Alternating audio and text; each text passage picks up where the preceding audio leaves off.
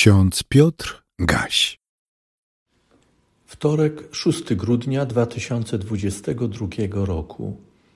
W księdze Izajasza w 60 rozdziale, 18 wersecie czytamy: Już nie będzie się słyszeć o gwałcie w Twojej ziemi, ani o spustoszeniu i zniszczeniu w obrębie Twoich granic, lecz nazwiesz swoje mury zbawieniem, a swoje bramy chwałą. W drugim liście Piotra, w trzecim rozdziale, trzynastym wersecie czytamy: Oczekujemy według obietnicy nowych niebios i nowej ziemi, w których mieszka sprawiedliwość. Dzięki czytaniu i rozważaniu prorockich tekstów Starego i Nowego Testamentu poznajemy wolę Pana i uczymy się rozpoznawać Jego drogi, te w teraźniejszości i te ku przyszłości.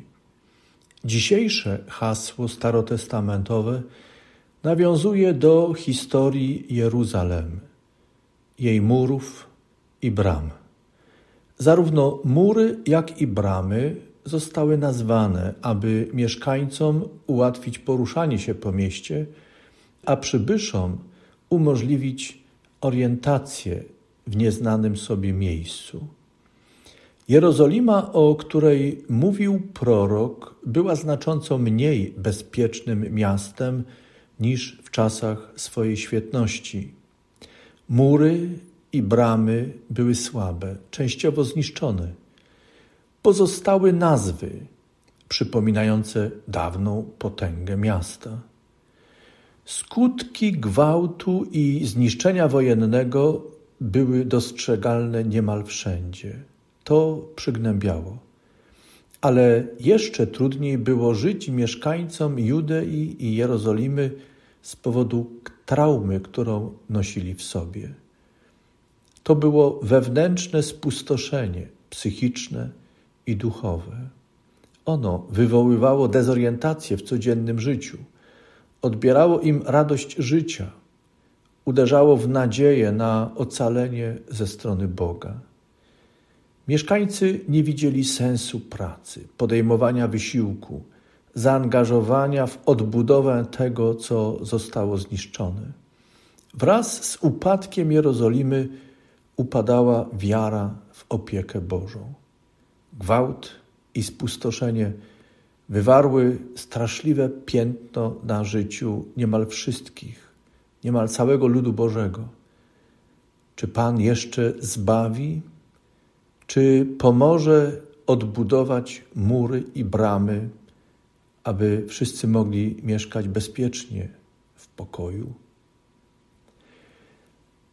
Już nie będzie się słyszeć o gwałcie w Twojej ziemi, ani o spustoszeniu i zniszczeniu w obrębie Twoich granic, lecz nazwiesz swoje mury zbawieniem, a swoje bramy chwałą. Tak Pan pocieszał przez proroka swój lud. Czy to możliwe? Boże, kiedy spełnisz swoją obietnicę? Kiedy weźmiesz w obronę swój lud? Otoczysz murem swojej opatrzności, a Twoje błogosławieństwo stanie się bramą ku przyszłej światłości, ku pokojowi, ku życiu w dostatku i bezpieczeństwie. Kiedy myślimy o doświadczeniach Izraela, o przeżyciach wielu ludów świata, niejednokrotnie stajemy przed wielkim zmaganiem Budzi się bowiem w nas poczucie, że zły diabeł rządzi tym światem i tylko on włada w tym świecie. Niezrozumiałe wydaje się bowiem Boże czekanie, Boże przyzwolenie na to, aby moce złego nadal zadawały ludziom tyle gwałtu i dokonywały gorszącego spustoszenia. W takich przygniatających sytuacjach przeżywamy coś z próby, przed którą był, stawał nasz Pan Jezus Chrystus. Mówi o tym między innymi ewangelista Mateusz w czwartym rozdziale. Zacytuję to słowo. Znowu wziął Jezusa diabeł na bardzo wysoką górę i pokazał mu wszystkie królestwa świata oraz chwałę ich. I rzekł mu: To wszystko dam ci, jeśli upadniesz i złożysz mi pokłon. Wtedy rzekł mu Jezus: Idź precz, szatanie, albowiem napisano: Panu Bogu swemu pokłon oddawać i tylko Jemu służyć będziesz. Wtedy opuścił go diabeł, a aniołowie przystąpili i służyli mu. Koniec cytatu.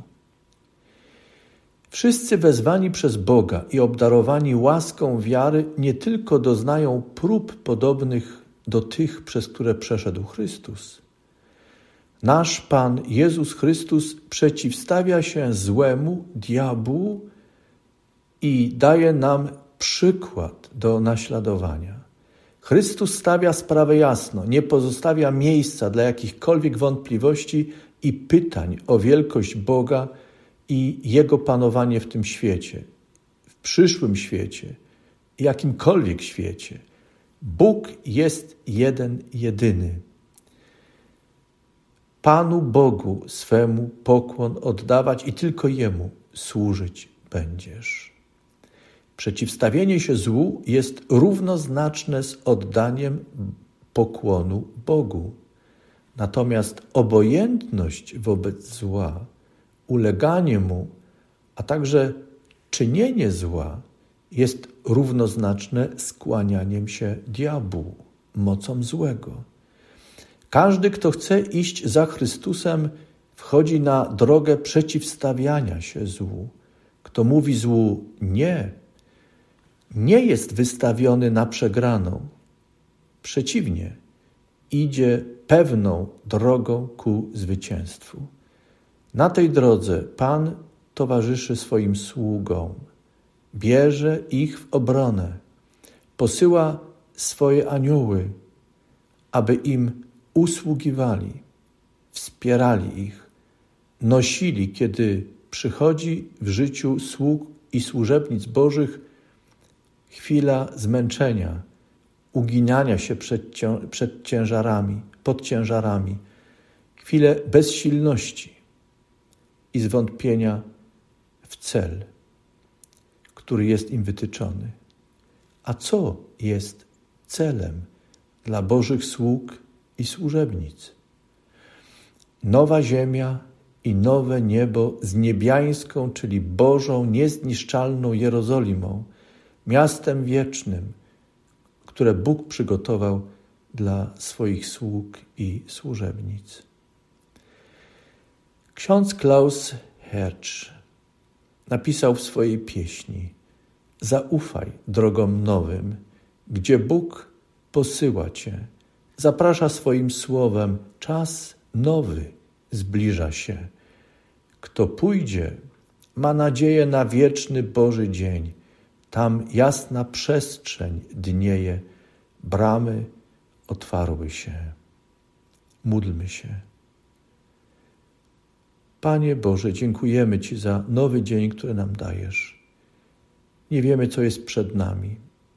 Ty sam wiesz. Dziękujemy Ci, że prowadziłeś nas w swej miłości i dziś w tym dniu poprzedzasz nas.